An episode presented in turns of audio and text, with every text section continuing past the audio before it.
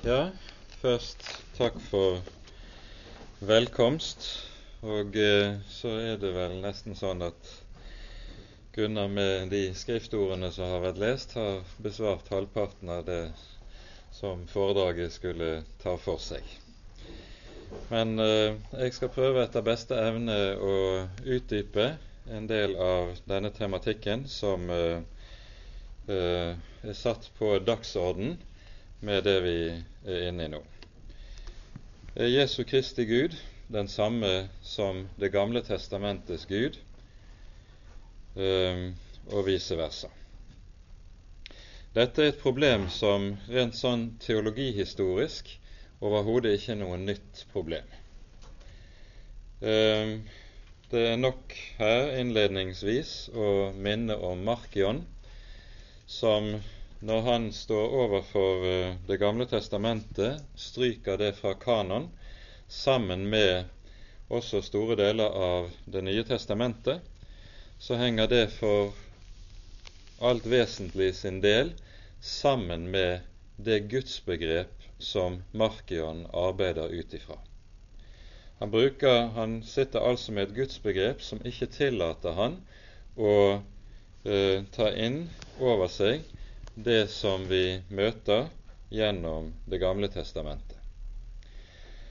Og med, eh, med at Markion gjør dette grepet han gjør eh, midt i det andre århundret i Roma, så anslås det en tematikk som kommer til å vise seg å stadig vende tilbake i kirkehistorien. I det det jo er slik at når eh, hovedtyngden av de som er medlemmer av Den kristne kirke, ikke lenger er jøder, og dermed har så å si fortroligheten med Det gamle testamentet eh, som noe som de har fått inn med morsmelken, da oppleves ofte Det gamle testamentet som noe som er fremmed. Eh, den hedningekristne kirke står stadig overfor noe av det problemet, og kommer til derfor oppover gjennom århundrene å ty til forskjellige typer nødløsninger for å komme til rette med Det gamle testamentet. Den nødløsning som så å si ble stående som eh, den gyldige gjennom nesten 1000 år, det er noe av det som Augustin gjør når han Eh, eh, som en hovedmetode til å lese og forholde seg til Det gamle testamentet, er, bruker allegorien. Eh, det gamle testamentet er i hele denne tankeverden noe av et problem.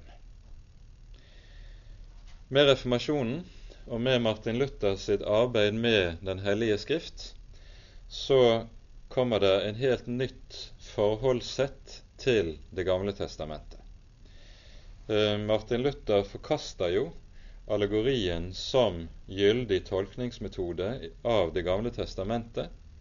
Han kan akseptere den som en utsmykking i den kristelige preken, i den oppbyggelige preken, men ikke som utleggelse av Det gamle testamentet. Det som Martin Luther gjør, det er jo at han anvender det vi kan kalle for en historisk, grammatisk lesning av Den hellige skrift. Og Med det så tror jeg vi tør si også at Martin Luther eh, på mange måter representerer en gjenoppdagelse av Det gamle testamentet i den vestlige kristenhet. Og Sånn sett så har Martin Luther en veldig betydning. Det er jo ikke tilfeldig at Martin Luther nettopp var professor, han var doktor i Det gamle testamentet. Og i sine år som reformator så var vel eh, noe sånt som 80-85% av tiden det var viet til undervisning i Det gamle testamentet. Det vi ellers møter fra reformatoren og andre typer skrifter, det utgjør altså prosentvis ganske mye mindre eh, av hans skrifter. Det som så skjer med fremveksten av historisk-kritisk forskning og teologi eh, ved begynnelsen av 1800-tallet, det er at Det gamle testamentet på ny kommer til å bli et problem for den kristne kirke. Og ikke minst med både en Schleiermacher, med fremveksten av den religionshistoriske skole, så får en vanskeligere og vanskeligere med å komme til rette både med den gammeltestamentlige åpenbaring og med det gammeltestamentlige Guds bilde. Med det så får du en dobbelt forholdsmåte i forhold til Det gamle testamentet. For det første så lærer den religionshistoriske skole en å lese Det gamle testamentet eh, i utvikling, utviklingskategorier. En forstår det slik at den gammeltestamentlige åpenbaring representerer en utvikling av Guds bilde fra et mer primitivt og grovt gudsbilde opp mot et høyere og gradvis mer forfinet gudsbilde. Dette gjelder både på det etiske området og når det gjelder gudsforståelsen i mer allmenn forstand. Videre så finner man i dette også en anvendelse av en type etisk kritikk overfor Det gamle testamentet og Det gamle testamentets Guds bilde. Man bedømmer Det gamle testamentets gudsbilde og Guds handlinger slik de står eh, omtalt i åpenbaringsskriftene, på etisk vis, og kan hevde at ulike av de Guds gjerninger som vi får oss forelagt, de er å anse som uetiske, føretiske eller undermoralske. Det som da skjer når en f.eks. står overfor problematikken med hvordan skal en forstå uh, beretningen i 1. Samuel 15, der Saul får befaling om å slå Amalek med bann. Hvis en anvender den moderne krigsetikk på en slik tekst, så vil en ha store vanskeligheter med å komme til rette med den. Et moderne, eller et nyere eksempel på denne etiske anfektelse i forhold til bibeltekster, det er jo det som vi møter hos uh, biskop Bondevik på Møre i denne diskusjonen som har vært rundt utsmykningen av Spjelkavik kirke, der eh, gjengivelsen av ofringen av Isak er noe som anfektes av ham som uhyre problematisk eh, i en kristen kirke. Og i argumentasjonen hans eh, for dette så hører vi ikke bare et rent pedagogisk Eh, en rent pedagogisk argumentasjon at dette vil være vanskelig for mange barn å forstå og oppleves vanskelig for barn å komme i rette med. Men vi hører også fra hans side en etisk argumentasjon um, overfor i møte med bibelteksten. Uh, et kjent sats som også har stått i avisen Dagen, det er at Kant har jo lært oss at vi ikke skal anvende vår neste som et middel. Og når da eh, Abraham eh, settes til det å ofre Isak, og det er prøven hans, så blir Isak et middel i utviklingen av Abrahams gudstro. Og dette anfekt, det gjør at Bondevik da anfekter hele denne fortellingens berettigelse i den bibelske åpenbaring. Han legger det i hvert fall frem til diskusjon. Det som vi i første omgang i hvert fall er nødt til å sette fingeren på, det er at med dette så står vi overfor et grunnproblem når det gjelder bibelsynet. Og Da vil jeg peke på to hovedproblemer i forhold til dette.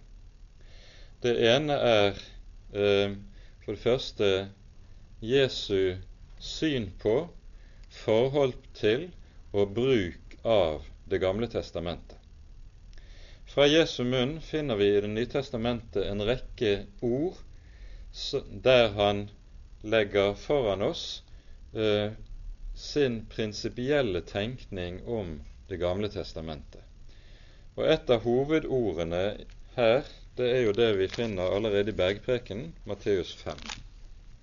Vi tar oss tid til å lese de eh, par versene. Matteus 5, vers 17, 18 og 19. Dere må ikke tro at jeg er kommet for å oppheve loven eller profetene. Jeg er ikke kommet for å oppheve, men for å oppfylle. For sannelig sier jeg dere, før himmel og jord forgår, skal ikke den minste bokstav eller en eneste tøddel forgå av loven, før det er skjedd alt sammen. Derfor, den som bryter et eneste av disse minste bud og lærer menneskene således, han skal kalles den minste i himlenes rike, men den som holder dem og lærer andre dem, han skal kalles stor i himlenes rike. Dette er et kjerneord eh, i Jesu undervisning om forholdet til Det gamle testamentet.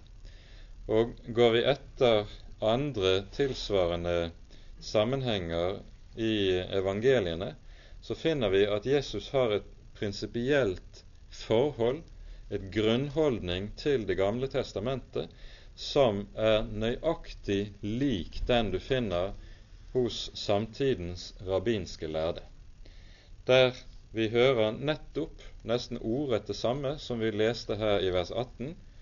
Før himmel og jord forgår, skal ikke den minste bokstav eller en eneste tøddel forgå av loven. Det var en tenkning rundt eh, Bibelens inspirasjon hos rabbin, de rabbinske lærde som gikk nettopp like inn i selv den minste detalj av bokstavene i loven. Og det ser ut til at Jesus her ikke på noe vis distanserer seg fra de, det som var den alminnelige oppfatning i, hos de jødiske lærde. Han markerer meget klar og meget sterk distanse til de jødiske lærde på en rekke andre områder, men ikke når det gjelder bibelsynet.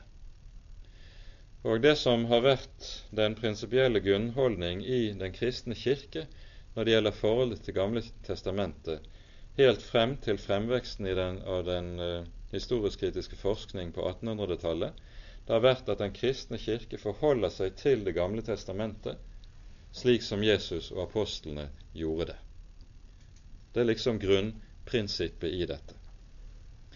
Det andre som er beslektet med dette, og som vi må peke på, det er at dersom man anfekter forholdet til Det gamle testamentet, um, anfekter Det gamle testamentets gudsbilde, da må man stille motspørsmålet hva mener man da med at Bibelen er åpenbaring? At Bibelen er Guds åpenbaring. For slik som Den kristne kirke alltid har tenkt og talt om dette, og som også ligger i eh, det Jesus og apostlene sier, så er ikke det ba bare Det gamle testamentet slik at det foregir å gjenfortelle en bestemt Guds åpenbaring som har skjedd i historien, men dette skrift er selv en del av denne åpenbaring. Altså Skriften selv er åpenbaring og Guds åpenbaring. Um, hvis vi tar på alvor at Skriften er Guds åpenbaring, så innebærer det at gjennom denne Skrift så trer Gud frem for menneskeheten som den han er. Og Der er vi med en gang inne i noe fundamentalt i gudsbegrepet som vi skal komme tilbake til. Eh, men først, før vi gjør det, så kunne jeg ha trang til å peke på eh, en del av de paralleller vi finner mellom Det gamle og Det nye testamentets tale om hvem Gud er. Og Det som er iøynefallende når du arbeider litt mer systematisk med Guds bilde og gudsforståelsen i Det gamle og Det nye testamentet, det er at jo mer du på en måte arbeider med tekstene, jo mer faller gudsbildet i de to deler av Skriften sammen. Det er én og samme Gud du møter i de begge. Uh, Gunnar eksemplifiserte dette med noen skriftord fra både GT og NT innledningsvis. Det er ikke noe problem å mangfoldiggjøre eksemplene på dette. Um,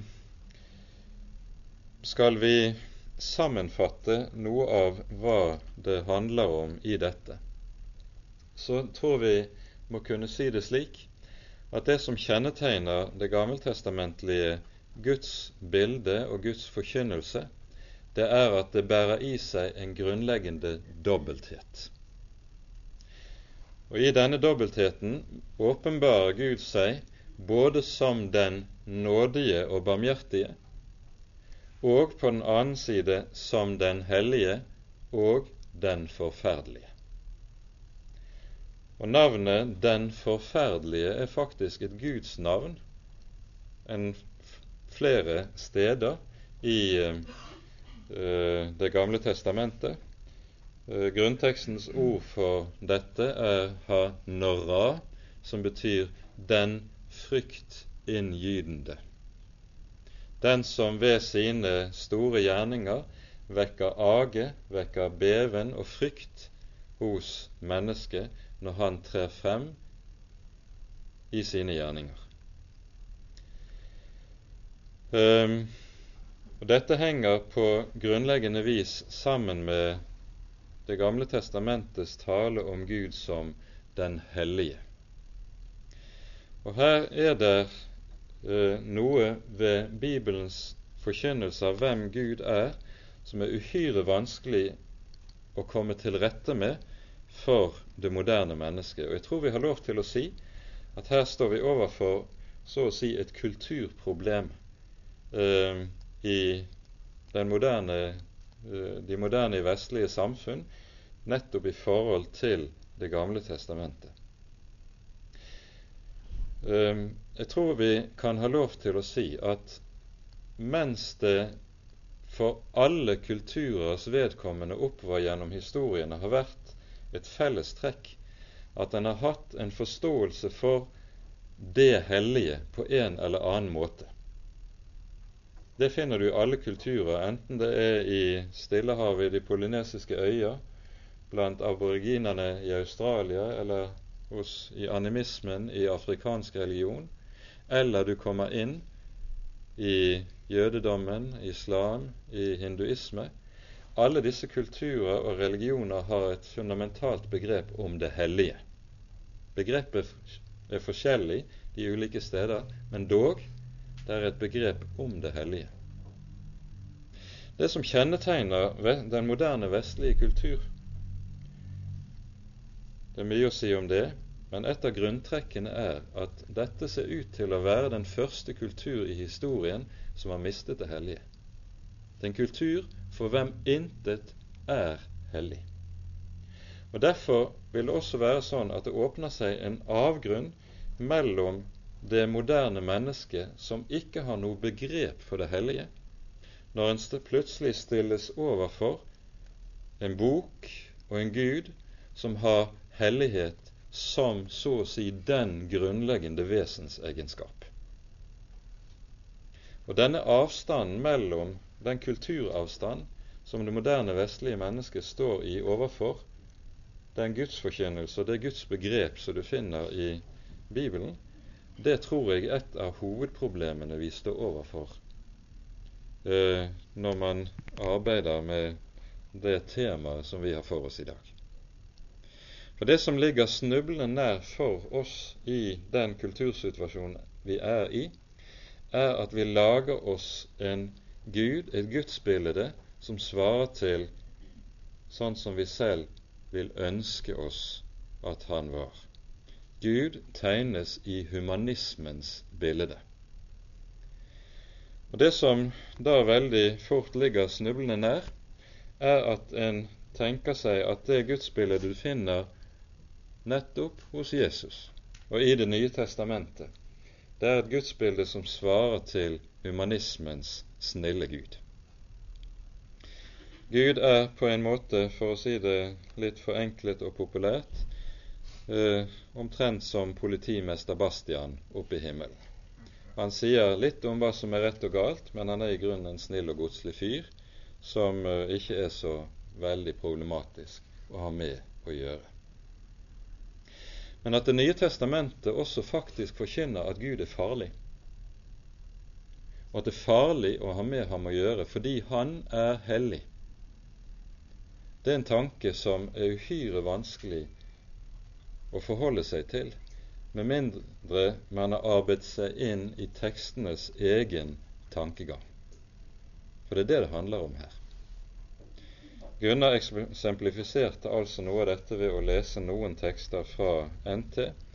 Vi gjentar ikke disse, men vil peke på først noe av det som ganske kort også får det bli, som i Det nye testamentet sies om den vrede Gud. For eh, et knapt års tid tilbake så kom det også ut et lite hefte i FBB-regi. Eh, Erling Utnem eh, arbeidet jo i mange år på en doktoravhandling som han aldri rakk å bli ferdig med, som handlet om nettopp dette spørsmålet om Guds vrede. Det er en ekstrakt av dette hans arbeid som er kommet ut i et lite hefte um, i Arken-serien, og som fortsatt skal være å få tak i. Det bærer tittelen 'Den håreste lære i Guds ord'. Og Den satsen, tittelen, den er hentet fra Martin Luther selv, som altså kaller nettopp læren om den vrede Gud for den håreste lære i Guds ord. For talen om Guds vrede det er noe som ikke bare hører i Det gamle testamentet. Det er en forkynnelse som vi vitterlig også møter meget av i Det nye testamentet. I Åpenbaringen 6 så møter vi til og med det paradoksale uttrykk lammets vrede. En forunderlig uttrykk, men det er vel verd å være oppmerksom på hva det er. Når dommen kommer veltende, så sier menneskene til fjellene, kast dere over oss og skjul oss for lammets vrede. Det er en veldig reaksjon av age og av frykt overfor vreden. På tilsvarende måte møter vi talen om vreden meget, ikke minst i eh, Paulus sitt hovedskrift i Romerbrevet. Vi kan henlede oppmerksomheten på eh, først kjente verset, Romerne 1,18. Guds vrede åpenbares fra himmelen over all ugudelighet og urettferdighet hos mennesker som holder sannheten nede i urettferdighet. I kapittel 2, vers 5 der apostelen fortsetter sin lovforkynnelse, lyder det slik:" Ved din hårhet og ditt ubotferdige hjerte opphoper du deg vrede på vredens dag, den dag da Guds rettferdige dom åpenbares, Han som skal betale enhver etter hans gjerninger. Og Her brukes det altså to hovedbegreper som så å si er hentet direkte ut fra Det gamle testamentet og tatt inn i Det nye testamentet. For det er jo det som er nøkkelen til hele problemstillingen. Når apostlene bruker disse ord og begreper, så det er nettopp ord og begreper som er hentet fra Det gamle testamentet, ikke på en slik måte at de er løsrevet fra det, men de anvender dem med hele den meningsfylde som du også finner for disse ordene i Det gamle testamentet. Og så er det da slik at som Det nye testamentet taler om denne Guds vrede, så er den noe som åpenbares primært to steder. For det første i forbindelse med det vi hørte her i det siste verset i Romane 2,5, i forbindelse med den siste dag, dommens dag, og som er historiens avslutning da Gud skal kalle hvert menneske til regnskap, og der også vreden bryter løs som en flom som er umulig å avgrense seg i forhold til. Det er altså tale om vreden i forbindelse med den siste dag. Dette som her kalles for vredens dag. Et viktig begrep i Det gamle testamentet. Det andre hovedpunkt det er det som vi hører om Kristi kors.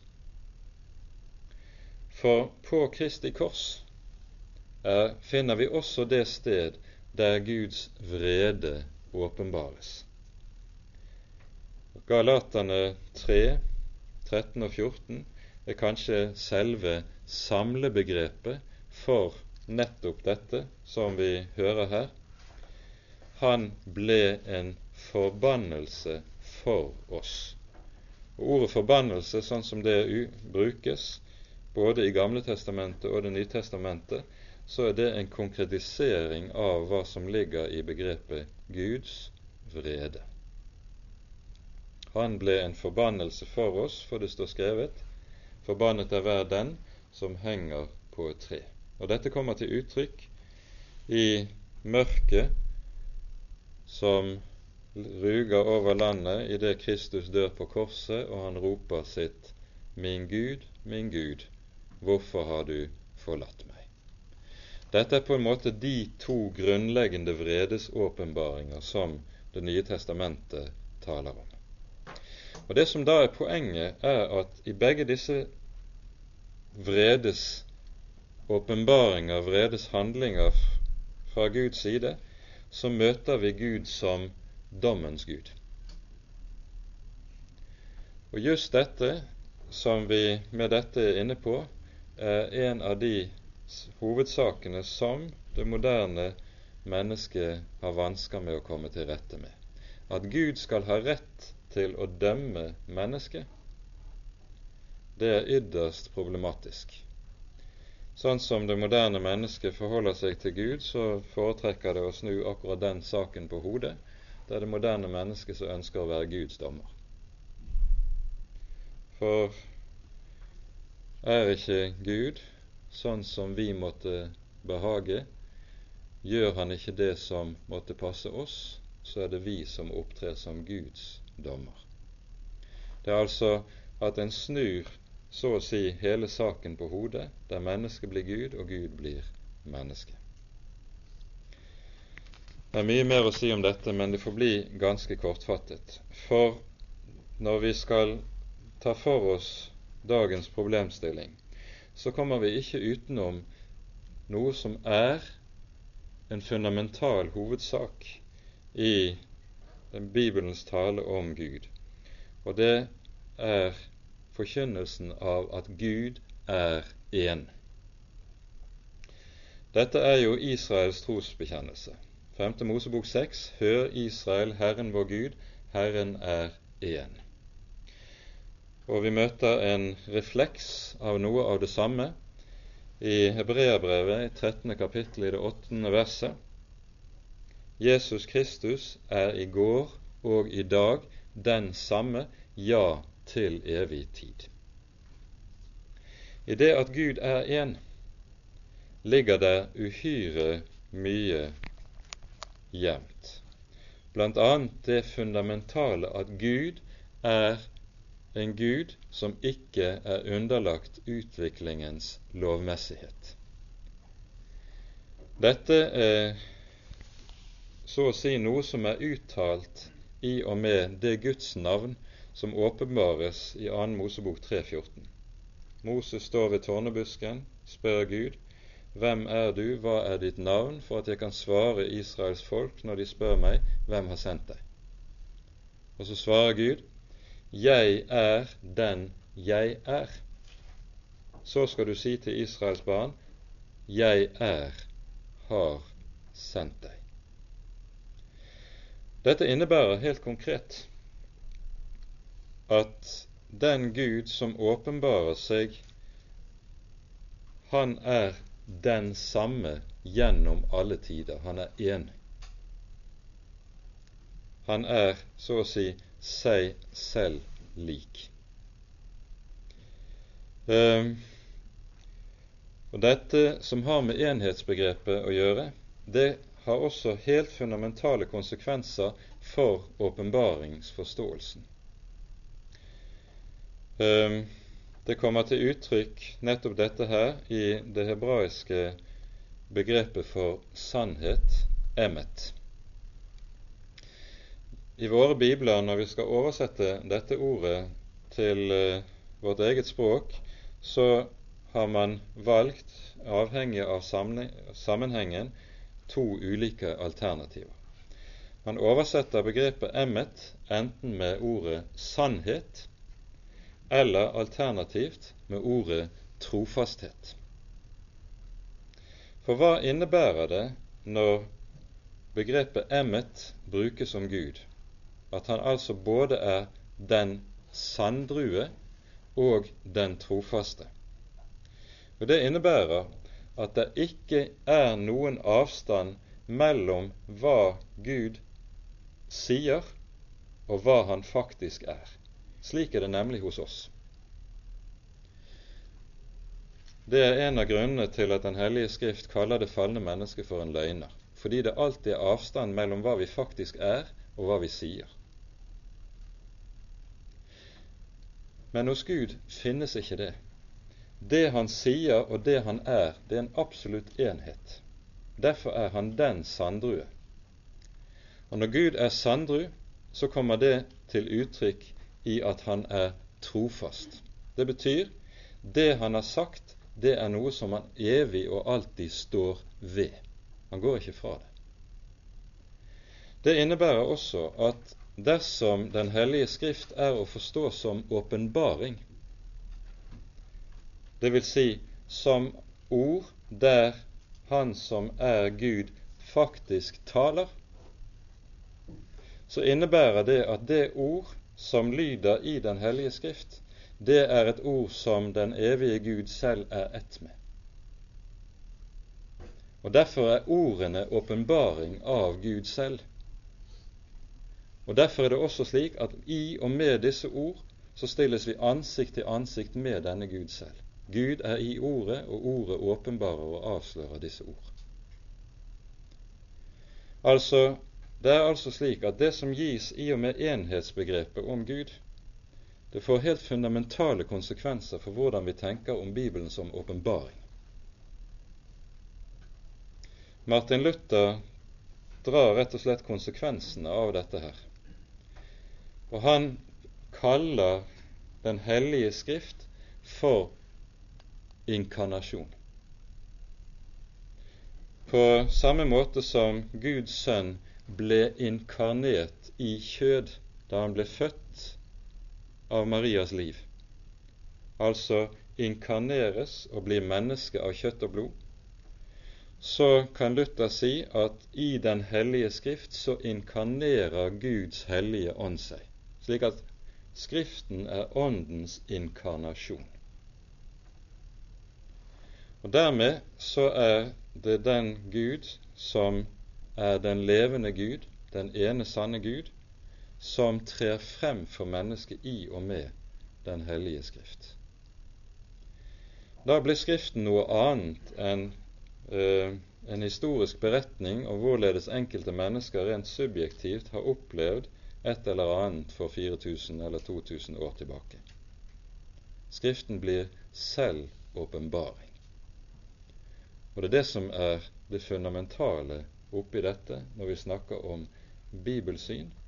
For bibelsynet her henger altså på avgjørende måte sammen med gudsbegrepet. Og det er her vi står overfor noe av det som er kjernen i problemet. Gud er ett med hva han sier. Det annet poeng som er en hovedsak i dette, når vi skal fortsette, det er den måten som Det nye testamentet taler om Jesu Kristi person på. Det som eh, nytestamentlig forskning, særlig i etterkrigstiden, mer og mer har realisert og så å si innsett konsekvensene av, det er at Jesus i en rekke sammenhenger bruker ordene 'jeg er' om seg selv. Det er først og fremst i Johannesevangeliet vi møter dette, men også et par steder hos synoptikerne, og så også hos apostelen Paulus.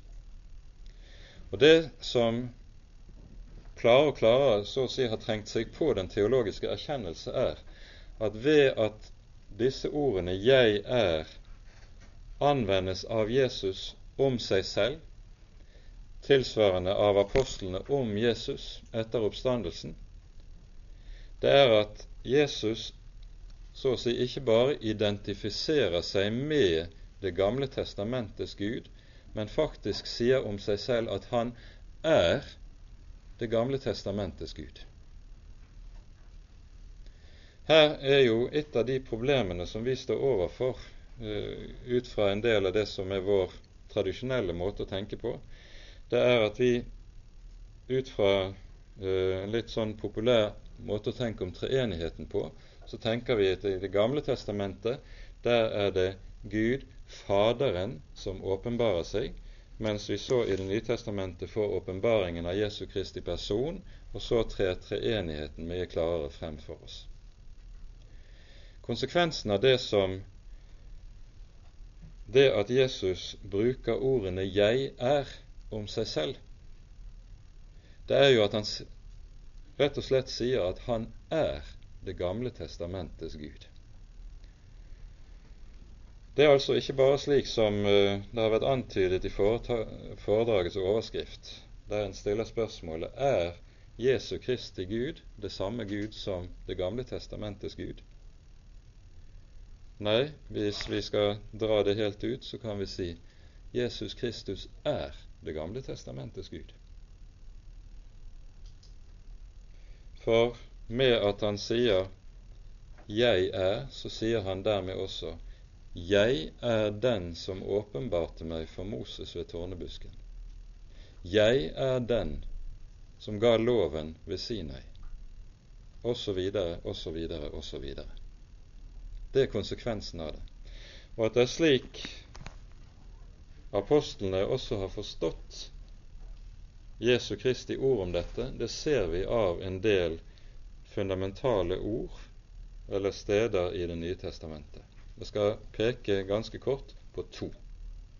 Først Filippabrevet, kapittel to, der vi finner denne sentrale eh, Kristushymnen som eh, man mener har vært sunget blant de første kristne, og der det taler om Kristi fornedrelse og opphøyelse. Her sies det så slik fra vers 9 til 11. Derfor har òg Gud høyt opphøyet ham og gitt ham det navn som er over alle navn, slik at i Jesu navn skal hvert kne bøye seg, dere som er i himmelen og på jorden og under jorden, og hver tunge bekjenne at Jesus Kristus er Herre, til Gud Faders ære. Her er det tre hovedpoeng å merke seg. For det første sies det i vers 9 han har fått det navn som er over alle navn. Det er Det gamle testamentets Guds navn, det som altså ingen jøde turde eller kunne uttale av ærefrykt for det hellige navnet, som bestod av de fire bokstavene JHVH. Det navnet er det han har fått. For det andre så sies det i vers 11 hver tunge skal bekjenne at Jesus Kristus er Herren. Poenget her ikke at det sies at Jesus er én Herre, som vi altså står under og skal lyde, men ved å anvende tittelen Herren på Jesus, så sies det med det nettopp at han er bærer av Det gamle testamentets Guds navn. For Herren, det er jo det ord som når jødene leste Den hellige skrift og støtte på det hellige gudsnavnet, og ikke kunne uttale det, så satte de inn i stedet ordet eller begrepet Adonai, som betyr Herren. Jesus Kristus er Herren. Han er den som bærer Det gamle testamentets gudsnavn. Og så, i vers 10, så står det slik at i Jesu navn skal hvert kne bøye seg, dere som er i himmelen og på jorden og under jorden. Dette verset er et sitat. Det er et sitat fra Jesaja 45, vers 23, der vi leser Ved meg selv sverger jeg, sier Herren, for meg skal hvert kne bøye seg. Det som altså er tydelig, sånn som apostelen Paulus her leser profeten Jesaja, det er at apostelen leser Jesaja slik at det talende subjekt i Jesaja 45, nei 45 det er Jesu Kristus før hans komme i kjøtt og blod. Det er slik han leser dette skriftstedet. Eh, et tilsvarende fenomen finner vi i Johannes 12. Og vi tar oss tid til også å lese dette ordet. Um, I Johannes 12 så hører vi at Jesus i den stille uke til slutt, etter de avsluttende stridssamtalene med de jødiske lærde, trekker seg tilbake. Og så, så gjøres det så å si opp status etter hans eh, virke. Og så leser vi eh, fra vers 39. De kunne ikke tro fordi Jesaja atter har sagt, Han har blindet deres øyne og forherdet deres hjerte, for at de ikke skal se med øynene og forstå med hjertet og omvende seg, så jeg kunne lege dem. Dette sa Jesaja fordi han så hans herlighet og talte om ham. Her sier altså Johannes at Jesaja så Kristi herlighet og talte om Kristus. Men hvor er dette tekstavsnittet som det her siteres fra, hentet fra? Jo, det er hentet fra Jesaja 6. I det år kong Ussias døde, så jeg Herren sitte på en høy, høy trone. Slepet av hans kåpe oppfylte tempelet, og så står serafene for hans trone, og så synger de den store lovsangen Hellig, hellig, hellig er Herren herskarenes Gud, all jorden er full av Hans herlighet. Og så faller Jesaja til jorden og sier Ved meg, jeg er fortapt, for mine øyne har sett Herren herskarenes Gud. Det Johannes her altså sier, er at den Herre som åpenbarer seg for Jesaja, og som Jesaja ser, det er Jesus Kristus. Det er altså slik han leser Jesaja 6. Her ser du altså både Paulus og Johannes nyleser Det gamle testamentet på en slik måte at de steder der ordet Herren står, der leser de disse tekstene på det vis at de forstår her er det Jesus Kristus som taler før sitt komme i kjøtt og blod.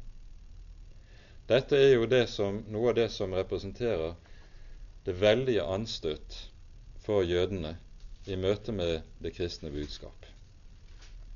Og så skilles veiene, to veier som senere aldri har kunnet, knapt kunnet møtes igjen.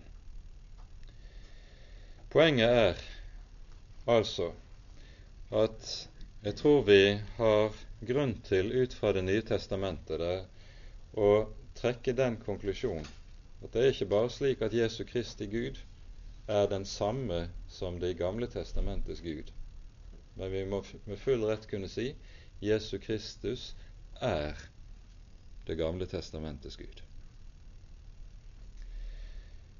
Det innebærer, og det fører med seg også store konsekvenser for hvordan vi tenker om hvem Jesu Kristi person er,